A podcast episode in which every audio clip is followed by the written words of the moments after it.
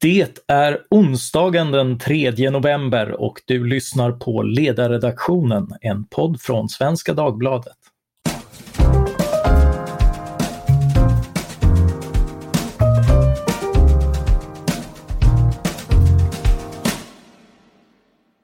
Jag heter Mattias Svensson och dagens ämne är Frankrike, Europas hopp eller flopp.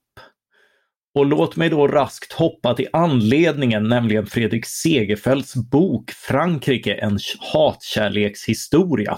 Jag har nämligen författaren med mig. Han är till vardags näringspolitisk expert på Almega, men kanske främst känd för en bredare publik genom böcker som Sosse-Sverige, Befria kulturen från politiken och Den svarte mannens börda internationellt känd för boken Vatten till salu, men nu handlar det om ett vinland. Välkommen Fredrik Segerfeldt! Tack så mycket, tack så mycket, kul att vara här. Hur kom det sig att du skrev den här boken? Det var väl i umgänge med vänner och bekanta som jag liksom drog eh, mina, mina anekdoter från Frankrike och den här irritationen jag har samtidigt som jag är passionerat intresserad. Och så sa eh, särskilt en kamrats kamrat som sa, fan du borde skriva en bok om det här Fredrik, det är ju så bra. Så bara så gjorde jag det. Och samtidigt kände jag liksom att jag ville liksom uppmana en, en, jag ville berätta för att folk skulle förstå mer i Sverige om hur det landet fungerar. Och så vill jag säga till fransoserna liksom att um, ni har någonting som skulle kunna, kunna vara så mycket bättre om ni bara kunde bli lite mer liberala. Ungefär så. Ja, för de som inte vet om det, vi känner ju varandra eftersom vi båda är uppvuxna i Karlskrona.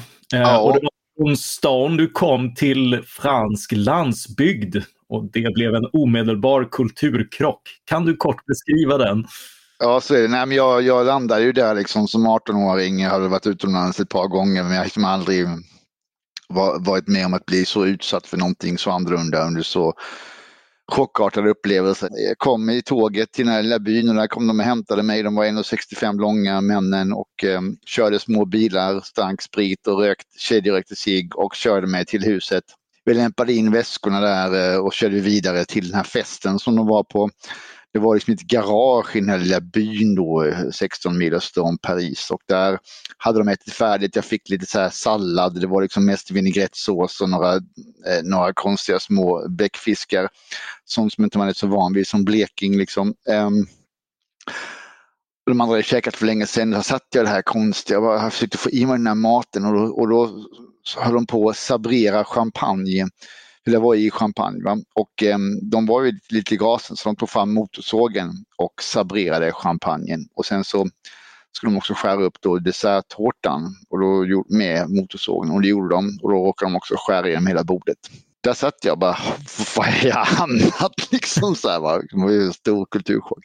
Men det var ju bara en berättelse, men det var en massa andra sådana här saker som handlar om liksom, disciplin och hygien och kvinnor och massa olika saker, språket och sådana här saker. Dygnsrytm och massa olika saker som var svåra att hantera, men som lärde mig väldigt mycket. Ja, ja, det är ju, eh, det ska sägas, eh, även om det sägs utifrån en eh, vänskapskorrupt positionen. En, en väldigt rolig bok men, men den är ju också eh, inte, eh, inte bara som den här salladen utan ganska matig.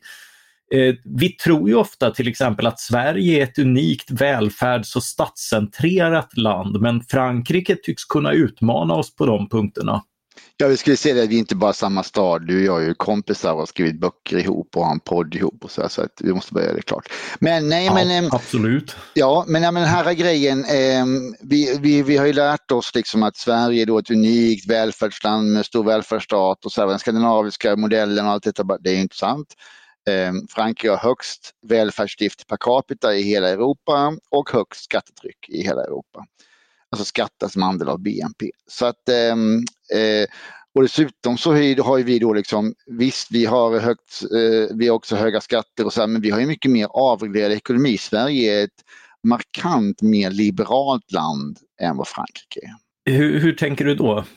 Nej, men liksom, på, vi har ett pensionssystem som fungerar, vi har massa valfrihet i välfärden, vi har avreglerade marknader, vi har en attityd till öppenhet, strukturomvandling. Vi tycker att konkurrens är rimligt, de hatar konkurrenssamhället. Liksom.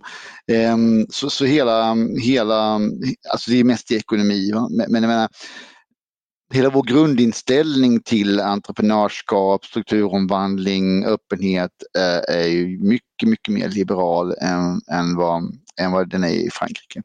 Mm. Och det, det, är ju så liksom att det, därför är ju Nordeuropa rikare än Frankrike och det har de ju aldrig riktigt insett. De tycker bara, de jämför sig bara med Tyskland för vi andra är så små och irrelevanta.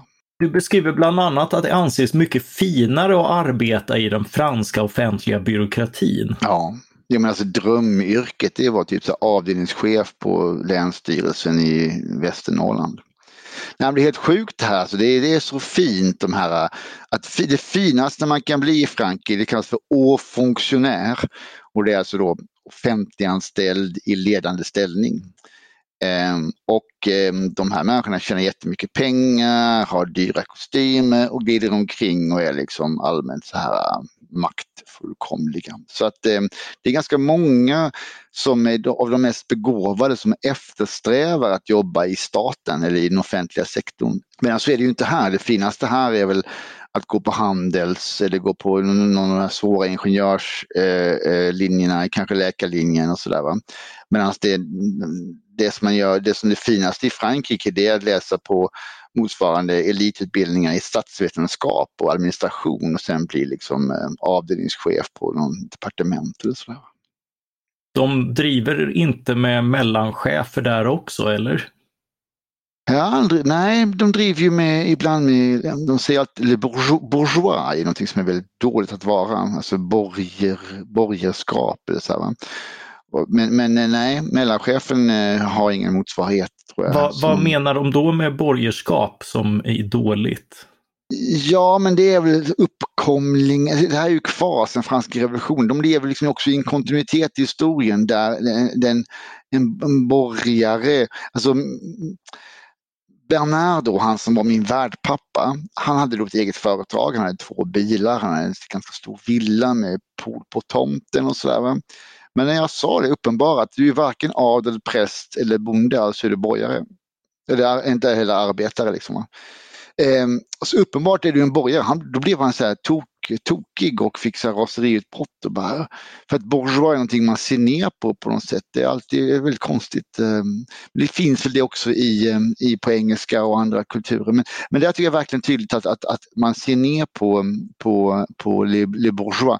Man har också ett väldigt intressant begrepp som är det, det som vi skulle säga idag är en så här de, de, i de högerextrema miljöerna, ska man säga de här Södermalmsmänniskorna, det ser man bobo, bourgeois bohème, det är sånt som röstar på Miljöpartiet i Sverige kanske. Den kreativa klassen, va? Det, är, det är bobo. Ja, så, så man ser det som, som det kreativa också? Ja, vi ser det kreativa klassen. Bobo är mycket mer någonting också man ser ner på lite så här, liksom, vad ska man säga, men Södermalm. Liksom.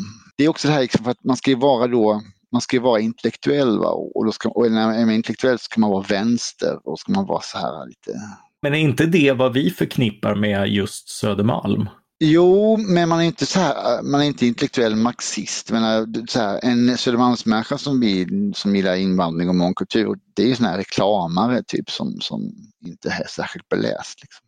Eh, jag tänkte att vi ska gå in på lite av den där eh, självuppfattningen. På engelska heter det Fake it till you make it och jag har förstått av din bok att på franska heter det grandeur och ja. ligger till grund för landets självförståelse och politik. Jo men det här är, det är så irriterande och det är så, det, det genomsyrar hela, hela hela egentligen eh, den franska självbilden. De, de har liksom inte riktigt fattat att de är ett medelstort land i periferin vi är fortfarande en stor makt. Alltså det är så här Napoleon, de höll nästan på att dominera hela Europa. De är en världsmakt och så här.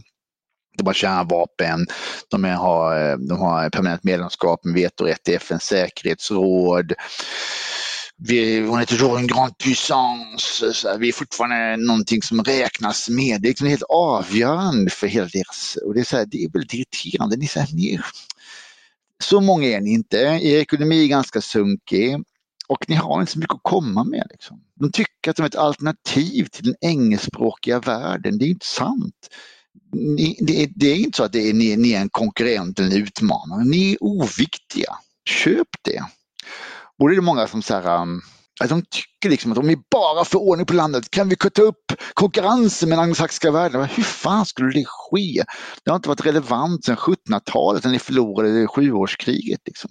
Men den här känslan finns ju kvar. Liksom, det finns en hel kultur kring det som kallas deklinism. Va? Alltså, som kommer från decline kan man säga på engelska, alltså förfall. Va? Att de, de är inte längre det de var. Och, och, och, det, är som, det är som att vi skulle ta vi tronar på minne från fornstora dagar på allvar. Ja, men jag tänker, vi, vi är ju från Karlskrona.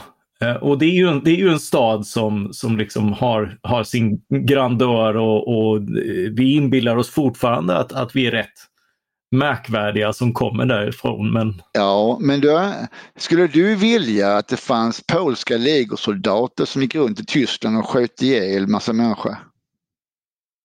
Det låter ju inte bra. Nej, jag menar allvarligt. Den här grejen med liksom att eh, om vi bara hade fått fler barn och så hade vi kunnat ta den största armén i Europa. Ja, de har ju sin största armé i Europa. Eh, eh, de vill ju nu, för de tycker, så att de tycker det är jobbigt att engelskan är första språket i världen, att USA är den största stormakten.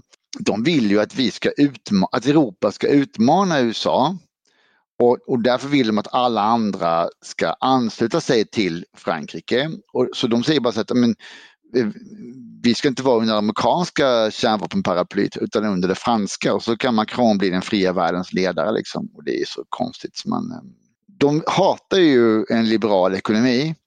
Mm. Och eftersom inte de har en liberal ekonomi så har de inte heller någon ekonomisk dynamik. Och därför kan de inte heller vara världens mäktigaste land. Jag menar man skulle kunna vara en, en lysande stjärna i världen eh, om man var dynamisk och så. Men de tror att man ska komma liksom via planer och staten och ha liksom coola företag som gör coola saker och därmed få resurser för att kunna utöva makt och så.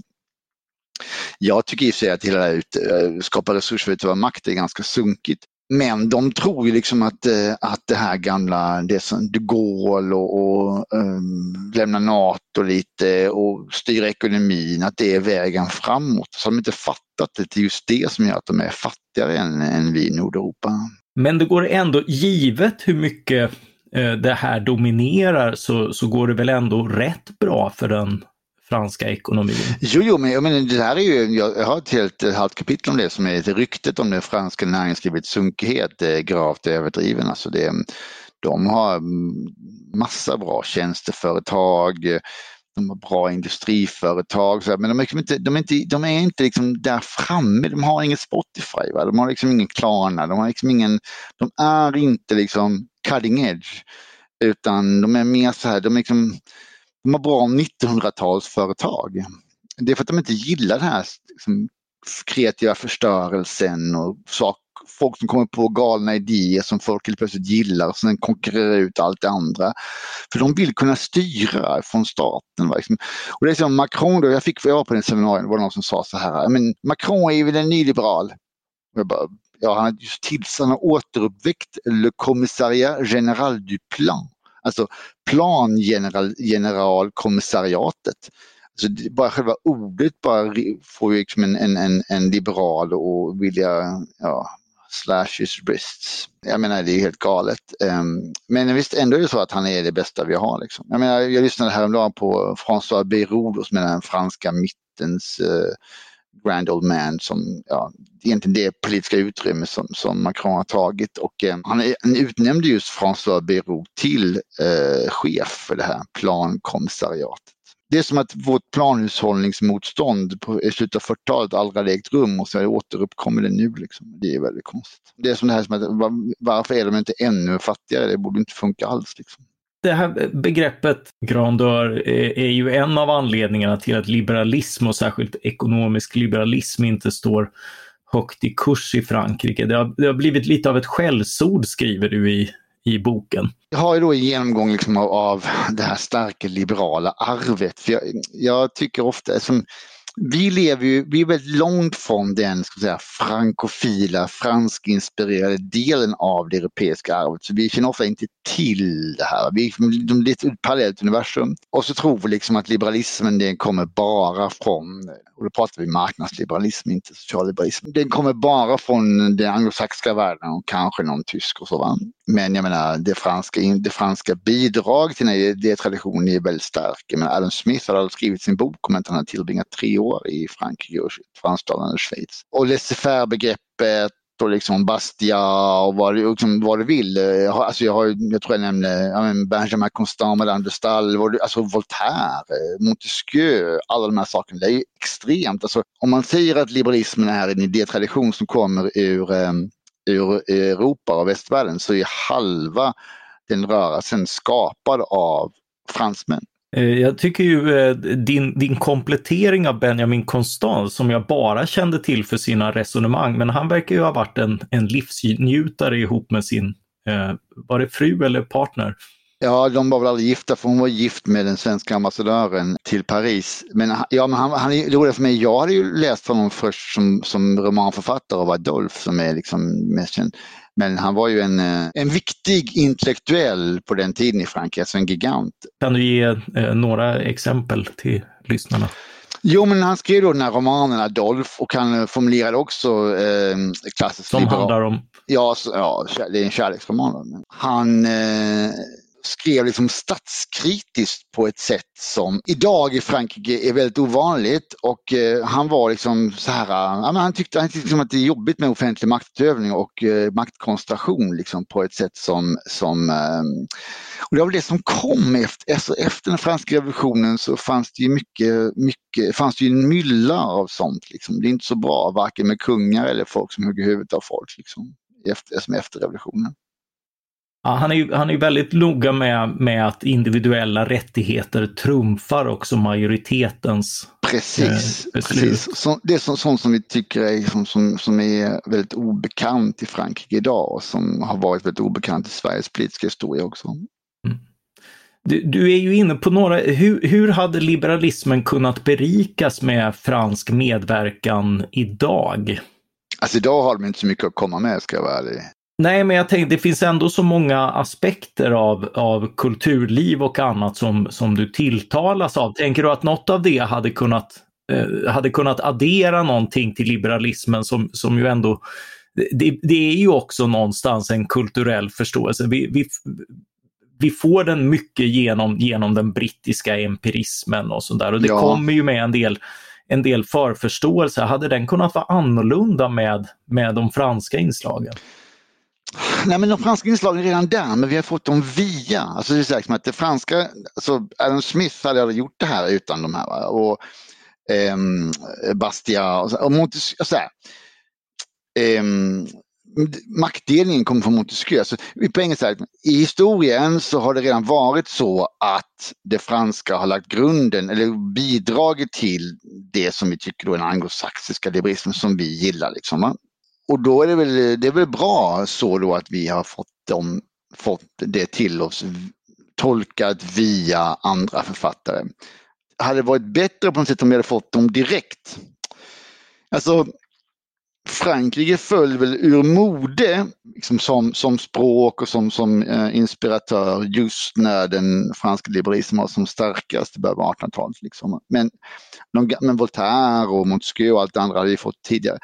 Men och i, sam, så i samtiden tycker jag inte att, att, eh, att vi har någonting, att det finns någon att lära sig någonting av. Det finns några stycken som jag har läst och så men det, ja, de är inte särskilt, de är mest så här några motståndsmän i det här eh, etatistlandet. Jag tycker inte att vi har någonting att lära oss av fransk liberalism. Det är inte det utan jag vill, jag vill mest bara säga till, till oss och till dem att de har ett historiskt arv som vi tenderar att, ja men vi nämner dem och vi nämner Bastiat, vi nämner Voltaire, vi nämner Montesquieu och sådär. Men, men eh, alltså, det en massa andra då som de som inspirerade till exempel eh, till Smith och så. Men de, det, har vi, det, det, det arvet är ju redan känt. Liksom. Så att jag tycker mest det viktiga är att de åt, ska återupptäcka sitt arv. För de har glömt bort det här. Liksom, Voltaire ses ju inte som en liberal.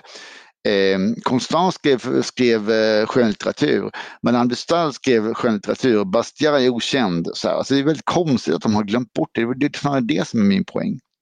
Men det, det, det, finns ju ändå till exempel en, en, en stark, eh, in, inte bara eh, värn av yttrandefriheten utan också av, av den fria och frimodiga satiren. Till jo, exempel. jo, förlåt. Ja, men jag fattar, det är ja, nu fattar jag vad du menar. Nej, men jag, bara, jag var inne på det ekonomiska. Ja, men så är det ju, mm. därför att de är ju bättre än vad vi är på yttrandefrihet, på satir. Alltså där, jag tycker det var så roligt det här med när det var sådana här karikatyrer igen och Macron var, hade uttalat sig i en intervju i Al Jazeera, det var så känsligt och så här. Va? Um, då, då, gjorde ju, det var det en iransk tidning som gjorde liksom en karikatyr på Macron som en djävul och jag, bara, och jag tänkte så här, är ni helt okunniga? Har ni ingen ambassadör i Frankrike som kan berätta hur det är liksom? Så bara kollade på hur, hur en makthavare framställs i ett fritt land. Ja, ja precis, precis, precis. Så här, tror, är det någon som tror att någon i Frankrike blir arg för att en iransk tidning sätter så här djävulshorn på, på Macron? Så berättar jag i boken om liksom att Nej men alltså det finns satirteckningar med honom där, där han går, han är så ung va, så han går liksom i, han är typ två år eller ett år och går på vägen mellan sådana här äh, hedersvakter fram till Élysée-palatset i blöja. Det finns en annan bild där han sitter liksom i, i, i Merkels famn och blir ammad av henne. Och det här är ju en väldigt, eh väldigt positiv och frimodig tradition och kultur som föddes tror jag i Frankrike. Jag vet inte hur den, stor, hur den brittiska ser ut, jag kan inte Storbritannien lika bra men, men så liksom yttrandefriheten, religionsfriheten här, den, den kom ju eh, liksom helt, och det är det som är, som är så konstigt med Frankrike, att de har liksom ett så starkt liberalt arv när det gäller eh, icke-ekonomiska frågor. Och är väldigt stolta över detta och sen fattar de ingenting när det kommer till ekonomi. Liksom. Den franska då, sekularismen, liberalismen har också där folkpartistiska små auktoritära drag det här liksom att förbjuda burkini. Va? Nu är så här snacket om, ska man förbjuda slöja på kvinnor som hämtar barn i skolan. För deras argument är så här, liksom, i och med att staten är då sekulär så får man inte ha religiösa, religiösa symboler kopplade till den offentliga maktutövningen. Det är som en laicitet som det sägs. Mm. Och då, men det används ju av liksom auktoritära eh, högermänniskor. Också av en del såna auktoritära liberaler, va, som folk som tycker att man ska liksom använda våld och tvång för att liksom tvinga igenom sin så kallade liberala vilja med inom citationstecken. Så där hamnar man ju fel ibland tycker jag. Och det finns en spänningsfältet mellan liksom, staten måste vara sekulär, det är ju liksom bra och rimligt ur ett, ur ett uh, upplysningsperspektiv. Men att sen att polisen går bort liksom och tvingar sig till vad folk ska på sig på stranden och så här, det är ju väldigt obehagligt.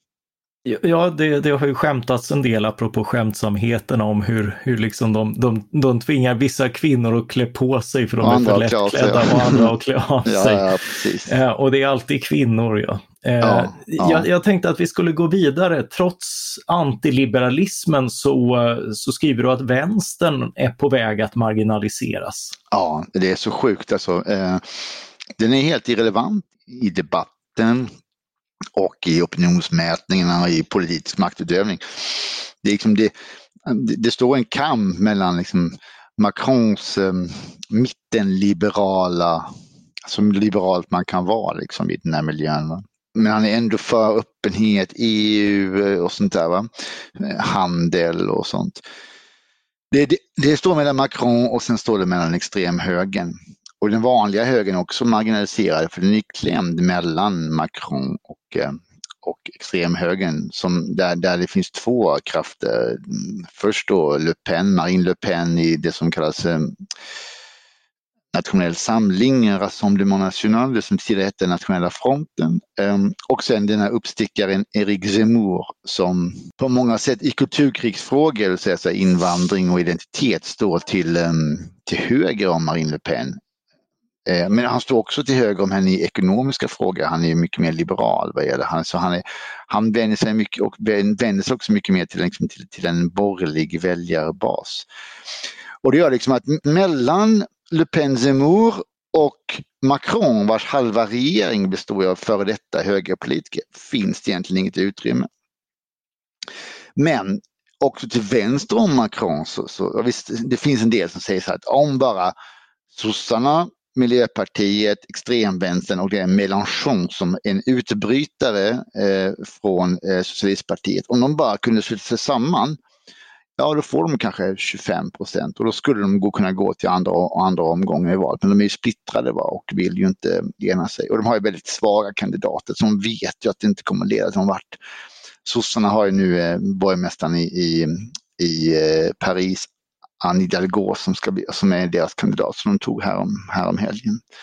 Och det är ingen som har 5 i mätningen, det är sju typ. Var inte gula västarna vänster? Folket som protesterade mot eliten och för jämlikhet och högre marginalskatter. Det har jag läst Olle Svenning skriva i Aftonbladet, eller rättare sagt dig skriva. ja, nej, men jag var så jävla irriterad på hur man skrev om, om gula västarna i svensk press därför att det var ju då så här bidrag och jämlikhet och så, men de röstade ju all, i stor, stor majoritet röstade de ju på, på um, eh, eh Le Pen Eh, Dugravesterna uppstod ju efter 2017, förra presidentvalet, så det stora valet innan man kunde se vad de röstade, det var ju då Europavalet. Va? Och där vann ju Le Pen eh, helt och hållet. Så det här är liksom en antiglobaliseringsrörelse, nationaliströrelse, populistisk rörelse. Så den här grejen om att det skulle vara vänster är intressant, den är ju högerextrem. Men samtidigt är det då en sån här um, folk som retar sig på eh, eh för mycket jämställdhet, eh, bensinskatt, högre, det är svårt att köra till jobbet och så här. Men det är också den här, den här, den här kulturkrigskänslan vi har i Sverige som folk vill lyfta fram liksom folk som eh, i, i periferin, folk som inte bor i de stora städerna som kör två mil till jobbet och som känner att deras lön har inte gått upp och, och sådär. Så det var, men samtidigt har det väldigt mycket att göra med, som jag också skriver i boken om att det sker en urbaniseringsprocess va, som är lite svagare i Frankrike än i Sverige där, där, liksom, där folk lämnar byarna och så, och så stänger de ner kaféet och affären och så här. Va. Och så har folk liksom ingen, inget socialt sammanhang längre och, ehm, och så träffas man på rondellerna där eh, på helgen och, och, och, och ja, grillar och röker, dricker vin och röker cigg och har allmänt trevligt. Så att, eh, jag lyssnar på flera, jag tror jag har hört tio intervjuer där man, där man förstår liksom att det, det viktigaste var liksom sociala sammanhanget för människor. Men poängen är att de röstade då liksom på Le Pen till 80 procent. Jag kommer inte ihåg exakt siffran. Men... Jag tänkte gå över på, du har nämnt Emmanuel Macron vid ett par tillfällen och han blir ju intressant. Liksom. Hur, hur ska man se på honom? Han har ju en del liberala reformambitioner men är samtidigt väldigt ekonomiskt interventionistisk. Är, är han den fria världens hopp eller en uppblåst mallgroda? Alltså han var ju, han var ju minister i sosseregeringen, Alltså han var ju för så här, han var, ibland skriver de finansminister, det var han inte, han var ekonomiminister, det är en helt annan sak. Ehm, han har väldigt lång titel, så han var minister för ekonomi och småföretag och digital ekonomi. Och så Men han har alltid varit den som är för utveckling, för dynamik. Ehm, Le Startup Nation, brukar man säga, alltså Startup Nation med fransk brytning. Han liksom gillade hela det här ehm, entreprenöriella. Så. Sen som alla politiker så, så anpassar han sig ju efter tidsandan och vad, vad folk gillar och sådär. Och sen opportunist. Men han, liksom, han har ju då en regering som typ består liksom av, av gamla högerpolitiker och gamla socialister och sådär. Och han får mycket, mycket, han får mycket kritik för det han kallar för en même temps, eh, som är samtidigt eller å andra sidan. Men jag menar, ja, i en tid där det nationella och det protektionistiska och det auktoritära eh, har sådana framgångar och har medvind så är det ganska fräscht med någon som säger emot och säger ifrån. Va? Och han, ehm, och I kulturkrigsfrågor tycker jag också han är ganska bra. Mm. Fast han har ju då, han har ju gått ganska mycket åt höger. Innan han blev vald så åkte han till Algeriet och sa att eh, kolonialismen var ett brott mot mänskligheten. Det gick, det gick ut, folk gick ju i taket. Va? Sen dess så har han liksom, eh, ehm, vi ska inte ta ner några statyer. Och så. så jag tycker att han hittar en ganska bra jämvikt i sådana frågor. Han lyckas då inte genomföra alla reformer. Han, de har ett pensionssystem som är som alla oreformerade västeuropeiska pensionssystem, det vill säga pyramidspel liksom, som inte funkar. Och det har varit snack ganska mycket nu om huruvida han ska genomföra det före valet. Det verkar inte bli av för mig är det så att jag skulle fortfarande rösta på honom. Han är den, han är den, den han är den bästa eh, politikern eh, i det franska politiska landskapet, eh, skulle jag säga. Men, men som alla politiker så är han opportunist liksom och, och sådär. Han har ju högerns ekonomiska politik och, och, och vänsterns eh, kulturkrigspolitik och för en klassliberal så är det det minst dåliga med alla de här liksom, reservationerna man kan ha. Nästa år är det presidentval. Ja. Eh, vad, vad, finns att säga om det? det de, du har ju redan nämnt han eh, Erik Zemmour. Mm. Är det rätt uttal? Får jag bassning för uttalet? Ja, det, är bara, vem, vem det var jättebra. Zemmour, bara det tog en S. Zemmour. Vem, vem är han? Ja, det är väldigt intressant. Han är alltså då en, en, liksom en, en ledarkolumnist, en polemiker, man säger på franska essayist, det vill säga sådana som du och jag, fackboksförfattare. Eh, han har varit i, alltså, de kallar ofta att han är för detta politisk journalist, men han är ju han är mer en, en, alltså en tyckare. Han har varit i, svensk, eller i fransk offentlighet i 20 år, har stått eh, ganska nära högerfalangen av högerrörelsen, säga gaullisterna och de här RPR och så. Eh, men har sen liksom rört sig åt alt-right hållet, eh, haft egna tv-program och sådär, skrivit böcker böcker om att eh, Frankrike är förfall och Frankrike håller på att förlora. Så han är egentligen bara han är en enfrågeperson och det handlar om liksom kriget med islam. Han är starkt eh, islamofobisk och eh, vill ju egentligen eh, han vill skicka tillbaka en stor del av den, den befolkningen som har ursprung i Nordafrika. Han menar att, att, eh, att Frankrike redan är i inbördeskrig så det är, liksom, det är riktigt otäckt auktoritärt. Um, han vill förbjuda till exempel muslimska förnamn. Och sådär va. Okej, okay, det låter ju som Han är rätt... dömd då för två gånger. Eh, en gång för hets mot folkgrupp och en gång för någonting annat. Um... Både termen islamofobi och, och liksom den här laga mot hets mot folkgrupp är ju liksom rätt, rätt vaga. Ja. Uh, men, men i det här fallet, alltså hävdar man att, att landet är i inbördeskrig så är det kanske Ja. Eh, är, är det befogat med sådana etiketter? Här? Jo, han, han, han kör det här the, the, Great Replacement, alltså Le Grand Remplacement, som du vet det här när det var en demonstration. Befolkningsutbyte. Ja, ja, du vet det här som var i Charlottesville i USA, va? they will not replace us, they will not replace us, och sen bara Jews will not replace us.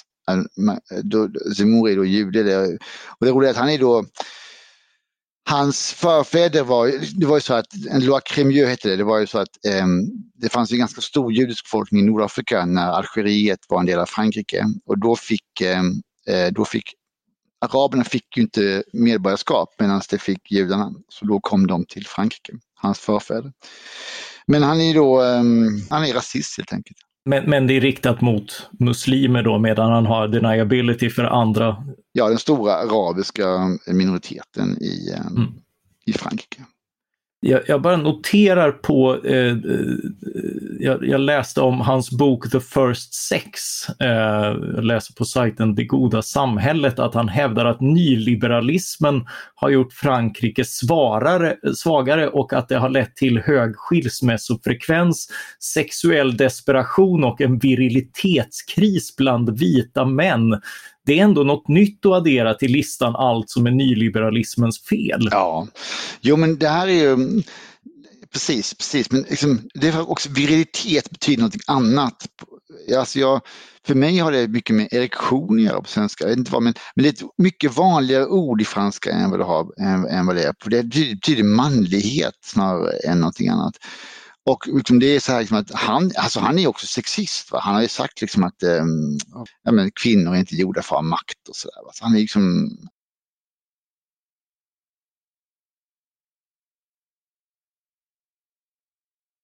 Mm.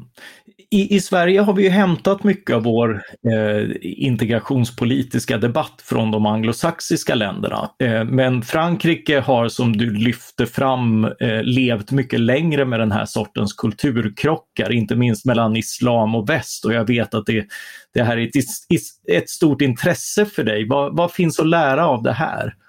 Min poäng där är väl så här att ehm, för oss är det ganska nytt det här med att stora minoriteter som är från den arabisk-muslimska civilisationen. Jag vet att det är folk som hatar att säga att man, att man ska säga att det är olika civilisationer, men jag menar, så är det ändå på något sätt att det att, eh, men, men eh, alltså eh, Frankrike invaderade Algeriet 1830 och Algeriet var ju ehm, eh, i 130 år en integrerad del av Frankrike. Så man har ju levt med, med den muslimska minoriteten eh, mycket, mycket länge. Vad man kan säga, men, men problemet var liksom att algerierna och de, alltså de muslimska algerierna fick ju inte bli medborgare utan de var liksom undersåtar utan rättigheter. Eh, och sen så då, precis som vi på 50-60-talet så var det väldigt stor invandring för, för arbetskraftsinvandring för att industrin, franska industrin behövde liksom, och de, och de bodde liksom i kåkstäder på ett sätt som var extremt obehagligt. Och så Nej men vad vi ska lära oss av dem? Nej, men min nya bok handlar liksom om, om vad vi kan lära oss av skönlitteraturen för de här kulturkrockarna har ju de hanterat mycket, mycket längre. Det är alltså en kommande bok. Ja, precis. Precis som jag håller på som handlar om just Europa, när Europa mötte islam. Men det, jag är inte riktigt landat där, men jag, vad, vad jag vill liksom säga, um, det går att mötas från bägge håll på ett sätt som, som, som fungerar ganska bra. Det betyder inte att Frankrike har gjort det här um, sämre eller bättre än vi, men jag tycker det finns ändå lärdomar att säga så här, till exempel så i Lilla Slimani som vann Goncourt-priset, den finaste franska litterära utmärkelsen, eh, har liksom, där hon, hon är från Marocko, men det är samma sak. Va? Hon beskriver liksom eh, en, en, en, roman hur man kan säga, jag är både fransk och marockansk och det är inget problem. Det är ett sånt man kan lära sig. Jag tycker också att de har lätt, de har liksom, det är lättare att vara ska man säga, fransman med arabisk muslimskt ursprung och ändå tas som fransman fullt ut än vad det är i Sverige. För de har liksom, så integrationsfrågan där är liksom, de är, det är mer moget på något sätt. De är vanare vid att man heter Rashid Bourgima och så kan man vara, eh, vet jag, justitieminister liksom. Samtidigt är det så att Frankrike har liksom, de är lite mer rasistiska än vad vi är skulle jag säga. Och det beror på att de har ett auktoritärt arv som kommer från både de som tyckte det var dumt att, eh, att man inte använder mer militärt våld för att behålla Algeriet i Frankrike och de som kom ur eh, eh, Vichy-regimen och Marshal Pétain, alltså den, den nazistiska lydregimen under andra världskriget. Och så har den här någonting, en tradition som vi inte har i Sverige som, är, som finns i hela Sydeuropa, som är samma tradition som det som Franco stod för egentligen. Va? Det vill säga den auktoritära, katolska, statscentrerade konservatismen som är väldigt väsensskild från vår eh, och anglosaxisk eh, eh, eh, eh konservatism som är liksom, ja men där det katolska är viktigt, där armén står i centrum och traditionella värderingar och sådär. Den tendensen är frånvarande i den, i den protestantiska världen och den anglosaxiska världen, så den är frånvarande. Men den har också funnits där hela tiden. Men, alltså, de höll på att göra en statskupp 61 när det var i, i, i Frankrike för att de inte ville ge upp Algeriet. De, är, de, här, de demonstrerar fortfarande. Och, alltså, det var ju det var två debattartiklar som har publicerats av massor med, alltså många, många hundratals officerare. En var anonym och en var med namn. Där de bara, nu måste vi in med armén i förorterna. Liksom. Så det, ehm, det finns en, en, en väldigt, väldigt helt, för oss helt främmande eh, eh idétradition och verklighet som, känns jättekonstig. Nu har vi pratat mycket om politik och, och eh, det landar ju of, närmast ofrånkomligen på ena delen av den här eh, bokens hatkärlekshistoria. Ja, det är bara hatbiten, vi har inte pratat om kärleksbiten. Ja, eh, så jag tänkte att vi på slutet skulle, få, eh, skulle du få lovebomba Frankrike lite grann eh, med, med det, du, det du tycker om. Nej men ehm, den heter ju Hatkärlek av ett skäl, alltså det är väldigt mycket kärlek. Jag, för det första så skriver jag i, för, liksom i inledningen så att jag tar mig rätten att kritisera så som man kritiserar sitt syskon. Så relationen är så stabil att man kan säga liksom, att du luktar svett. Liksom. det säger man inte till en bekant. Sen jag åkte dit så har jag ju haft i över 30 år nu en, en, en väldigt stark relation till det här. Alltså jag, språket tycker jag är fantastiskt spännande. Det är väldigt svårt. Eh, trots att jag har hållit på med det här i 30 år så är jag, liksom, ja, nu kanske jag är lika bra på franska som på engelska. Men jag menar, ja det, det är oerhört eh, vackert, det är oerhört liksom eh, uttrycksfullt och det är spännande. Eh, litteraturen är ju fantastisk. Smaken liksom att, att, att eh, det estetiska spelar en större roll hos oss. Um, de har elegans kring sig som är liksom uh, överlägsen. Vardagslyxen. Va? Så liksom att det, det, var som jag läste en annan bok um, som uh, Fanny Heijestam skrev som heter En by i champagne. nog. Och, då skulle hon beskriva såna här Le Pen-väljare liksom i, i rostbältet där liksom bonläppar som inte gjorde så mycket och som bara så bara råkar hon nämna att han äter lunch där, den här liksom bonläppen. Bonläppen säger jag inom citationstecken för det var så hon mm. beskrev honom och så. Va? Så bara, han äter lantpaté till lunch.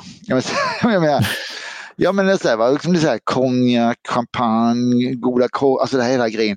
Det goda är gott eh, i Frankrike. De har inte en livsglädje i den bemärkelsen att de är glada för de är ett jävla gnälligt folk och de är alltid missnöjda. Jag har aldrig träffat någon fransman som inte tycker att revolutionen ligger runt hörnet. Men samtidigt som man säger det så liksom dricker han nu en flaska Bordeaux som kostar 300 spänn. Liksom, eh, fast han inte är höginkomsttagare. Så att man lägger liksom större andel resurser på det som är bra och det tycker jag är... Det är väl det här liksom att de är ett land av, av livsnjutande filosofer, vi är ett land av ingenjörer i ekoskor. Liksom. Det kan man välja vad man vill. Och sen är det då liksom den rollen som det, det intellektuella livet spelar jag, när jag bodde där så fanns det ett program som heter Apostrof och det är en, en, en legendarisk eh, programledare, journalist som heter Bernard Pivot som jag fortfarande följer på Twitter, tror jag är 90 år. Han hade gjort ett tv-program som gick klockan eh, nio eller åtta på fredagskvällarna på prime time. Liksom, som handlade om, det var ett samtal i en timme med, med intellektuella filosofer och författare. Och de hade 6-7 miljoner tittare. Eh, det var som om Skavlan hade bara haft författare som gäster. man kan inte annat än beundra ett land där, liksom, där ett, sånt, ett, ett, ett intellektuellt program av det snittet sänds på primetime och har så många tittare. Det visar liksom att litteraturen, filosofin, kulturen spelar liksom en, en mycket, mycket viktigare roll i, i fransmännens vardag. Vi är barbarer i, i, jämfört med dem och det, vi är bara med, som är mycket bättre på att eh, konstruera maskiner och knacka kod och prata engelska. Icke desto mindre så är vi barbarer. Sa han spott ut det nyss. Eh, ja, men det låter ju som en lysande avslutning. Eh, då ber jag att få tacka dig Fredrik Segerfeldt, författare till boken Frankrike, en hatkärlekshistoria. Tack för att du kom hit. Tack så mycket. Tack också till alla er som har lyssnat på ledarredaktionen. Vill ni demonstrera och protestera mot något i dagens program? Hörde ni några grodor eller fann ni det bara en kärleksfullt smaksatt anrättning? Mejla i så fall till ledarsidan svd.se.